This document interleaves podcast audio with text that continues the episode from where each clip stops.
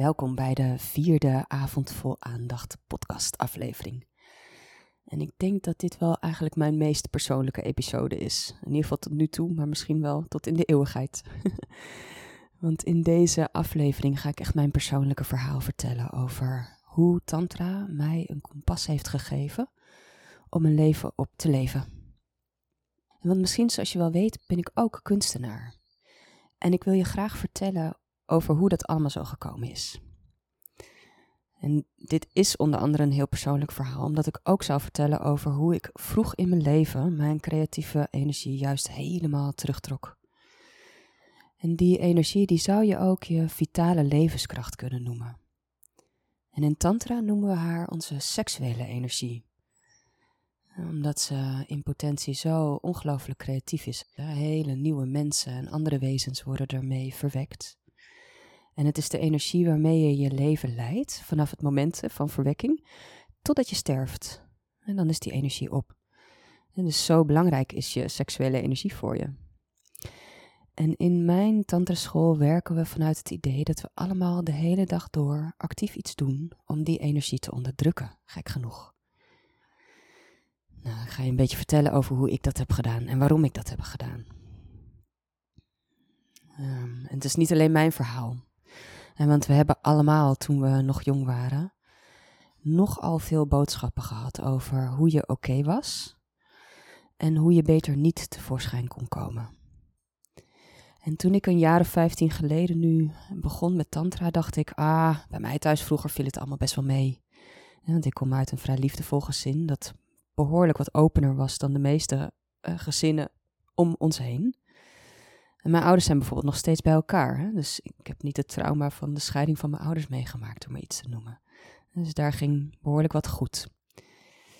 Maar eh, de heersende cultuur rondom, maar ik zou zeggen ook in ons gezin, heeft wel degelijk hele diepe sporen achtergelaten in mij en ik denk in ieder van ons. En die sporen zijn zo diep dat ik tijdens mijn jeugd veranderde van een fantasierijke, sensuele, bewegelijke kleuter in een zwartgallige, depressieve, slonzige en blowende puber. En ik ga je vertellen hoe dat kwam.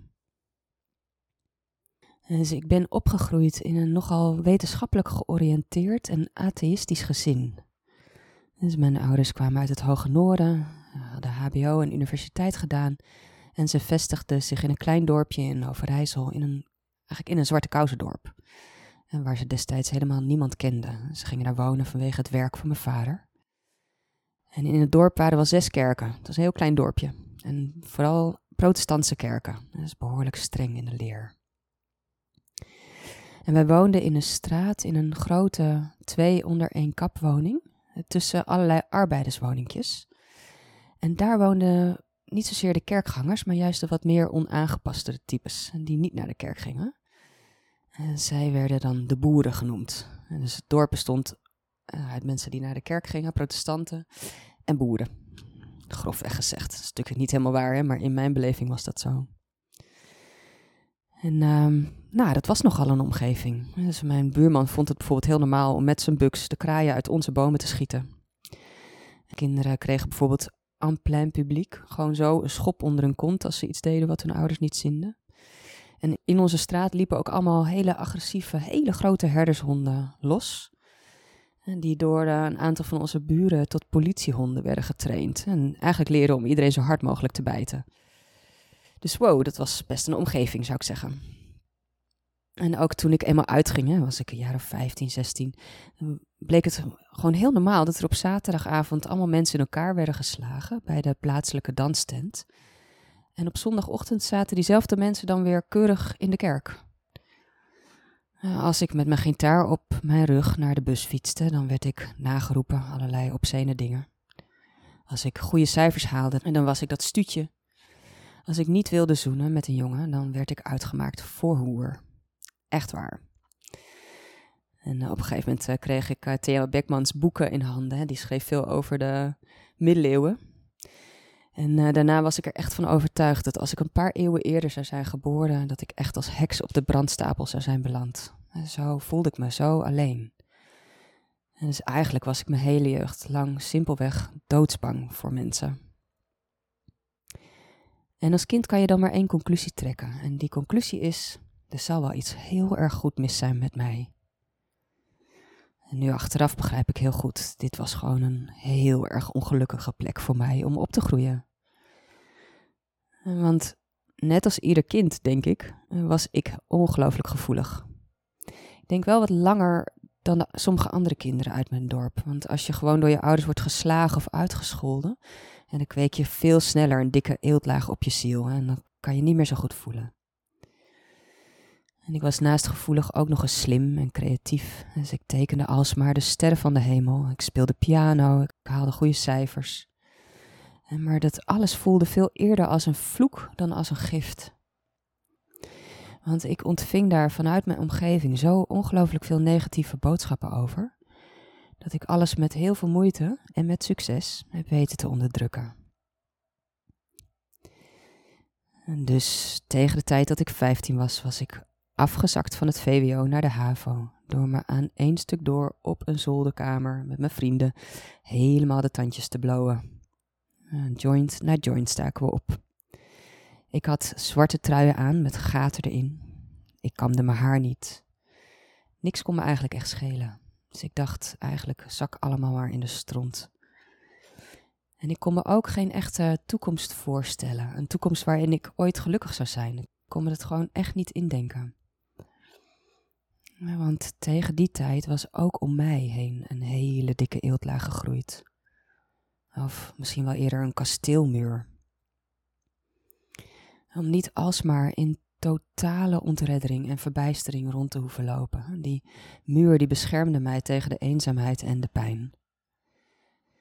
Maar hij verkleinde ook drastisch de mogelijkheid om nog te voelen dat er ook veel goedheid is in de wereld. En dat er ook vriendschap is, bijvoorbeeld. Vertrouwen, liefde, compassie. En uh, dankbaarheid, nou, dat kon ik echt al helemaal niet voelen. Nu zouden we dit een depressie noemen. En depressiviteit is uh, tegenwoordig echt uh, volksziekte nummer één. Het heeft de hart- en vaatziekten en de kankers van de ranglijsten verstoten en staat op nummer één. En we noemen het heel makkelijk, hè? ik ben een beetje depressief. Maar als je het echt bent, is het echt iets verschrikkelijks om mee te maken. Alles wordt een soort lang dal. Een dal waar je doorheen moet zien te komen.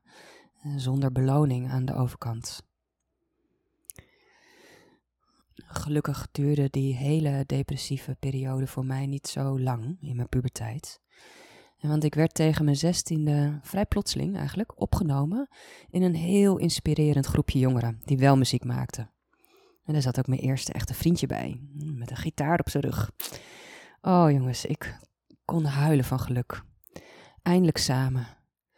Eindelijk een plek waar mijn creativiteit juist wel werd gewaardeerd. Ik wist echt niet wat me overkwam.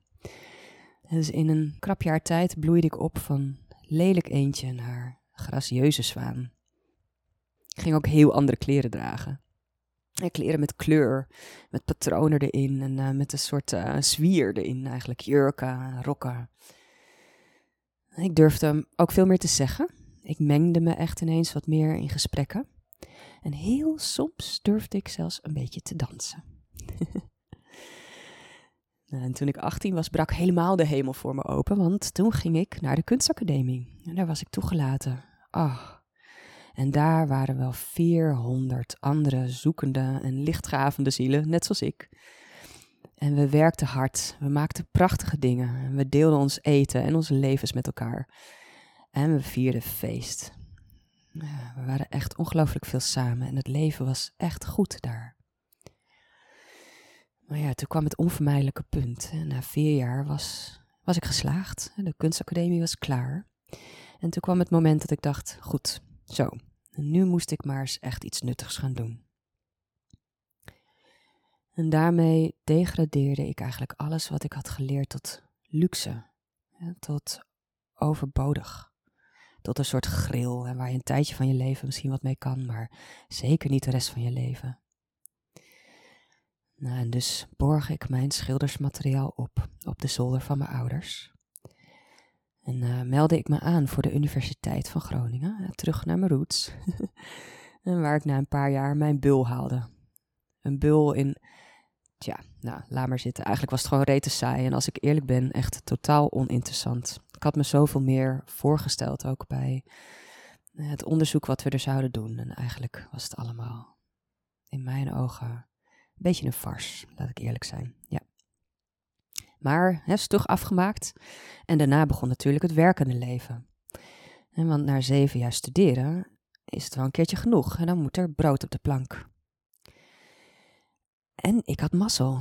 Ik kreeg een baan waar iedere twintiger met mijn kunstachtergrond misschien wel jaloers op zou zijn. Ik kwam terecht bij een hele bekende fotograaf in Amsterdam. En uh, zo in zijn kielzog werd ik meegenomen in de Amsterdamse gay scene en de party scene. En dat was een tijdje lang heel erg leuk. En ik organiseerde ook allerlei tentoonstellingen en boekpresentaties, allemaal leuke dingen. En na een tijdje stroomde ik ook door naar zijn kunstgalerie, via wie hij zijn werk verkocht.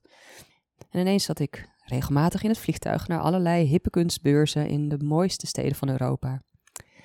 Nou, dat is toch precies wat je wil als je 24 bent, toch? Ja, en dat leek ook eerst echt heel leuk. Was ook een tijdje leuk. Maar het begon ook te knagen. Het was misschien wel heel hip en cool, maar het voelde ook echt heel oppervlakkig.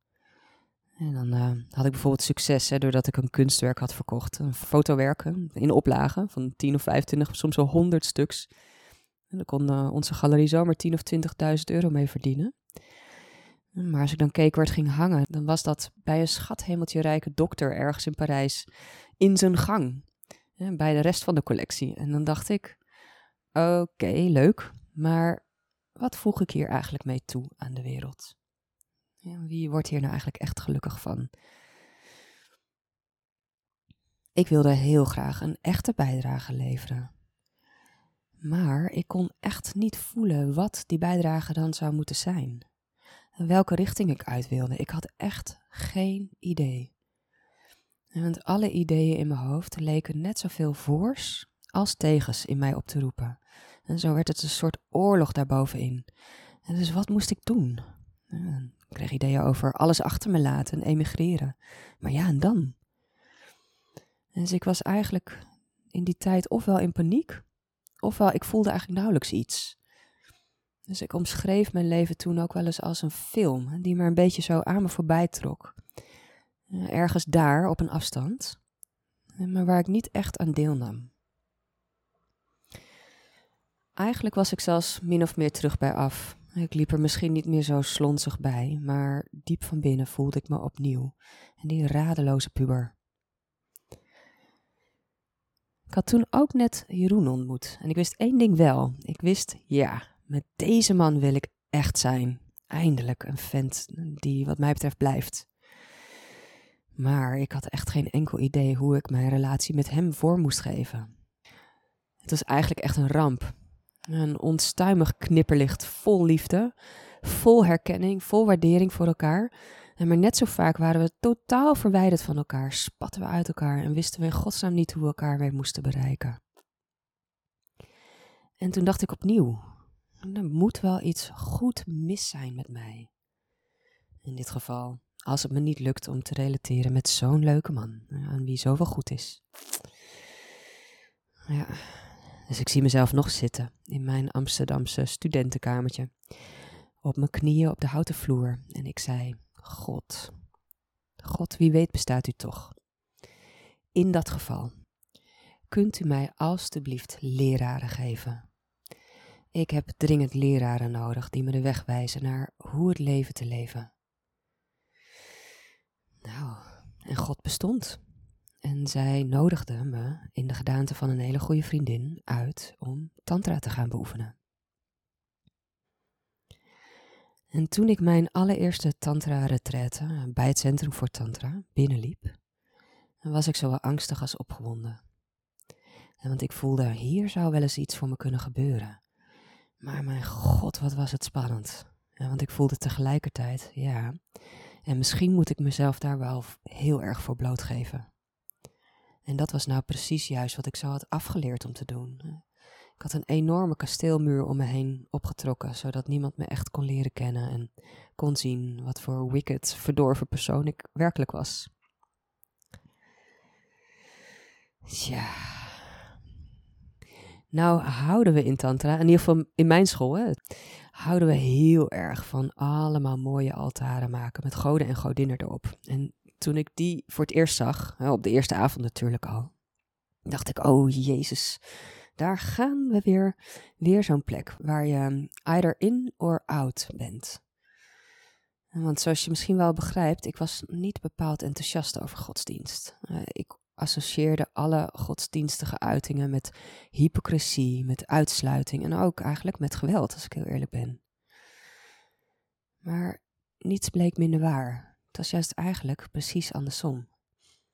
Telkens als ik mezelf geweld aandeed en mezelf forceerde om leuker of liever of makkelijker te zijn dan ik was, en werd ik alsmaar opnieuw uitgenodigd om te komen met precies wat er werkelijk in me leefde. Ah, dat was echt. Het eh, was eigenlijk bijna raar voor me om dat mee te maken. Ik was ongelooflijk verbaasd, eigenlijk de hele week door. En wat er gebeurde was dat ik gaandeweg de week verzachtte. Ik werd alsmaar wat gevoeliger, alsmaar een klein beetje raakbaarder.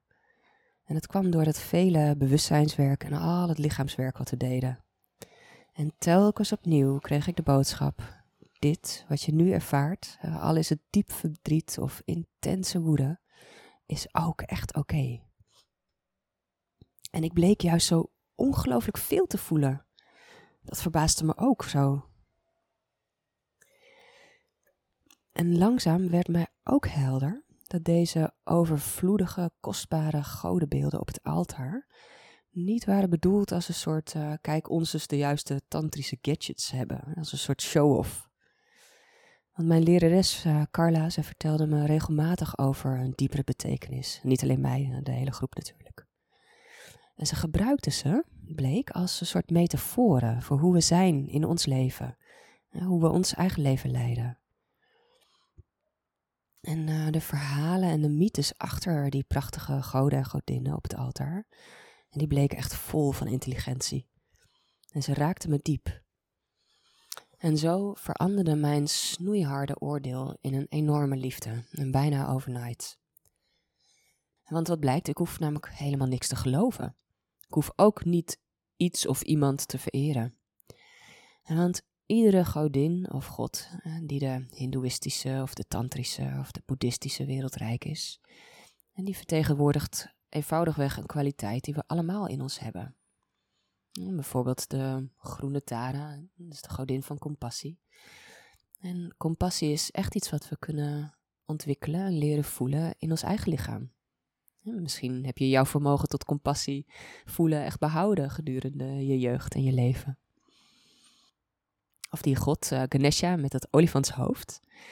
En die staat voor ons vermogen om telkens fris opnieuw aan iets nieuws te beginnen. En de obstakels die op ons pad liggen te overwinnen. En dat kunnen we allemaal en dat, die ervaring hebben we ook allemaal in het leven.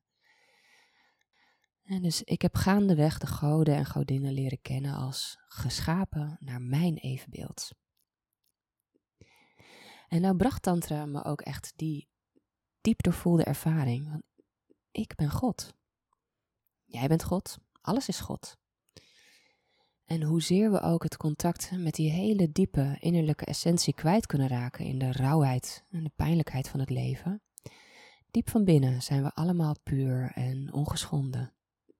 Goddelijk. Iedereen. En die godenbeelden, en die worden eigenlijk al duizenden jaren lang gebruikt als een soort spiegels.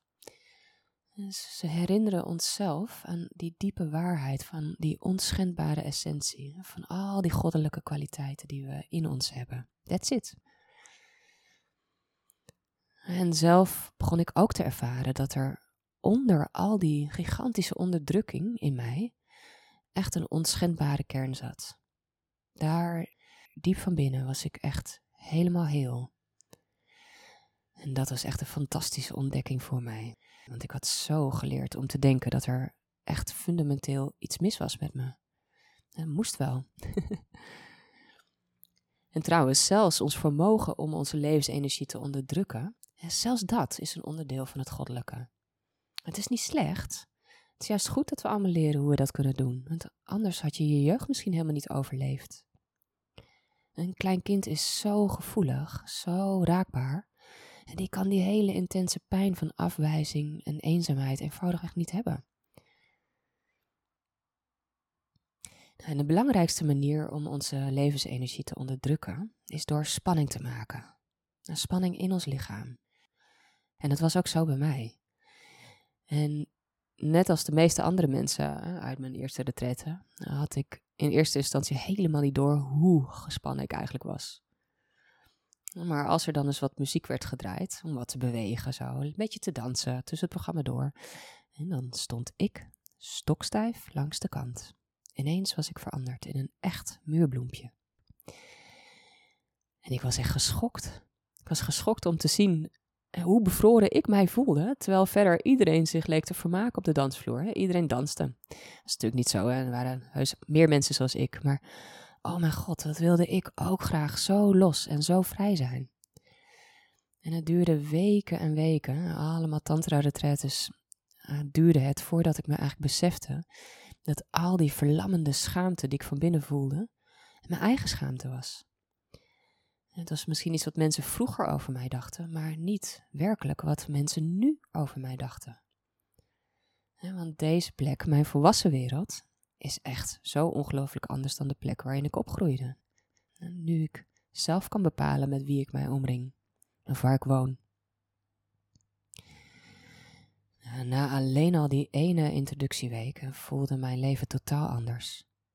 En ja, nog steeds voelde het als een enorm keurslijf, als een te krappe jas.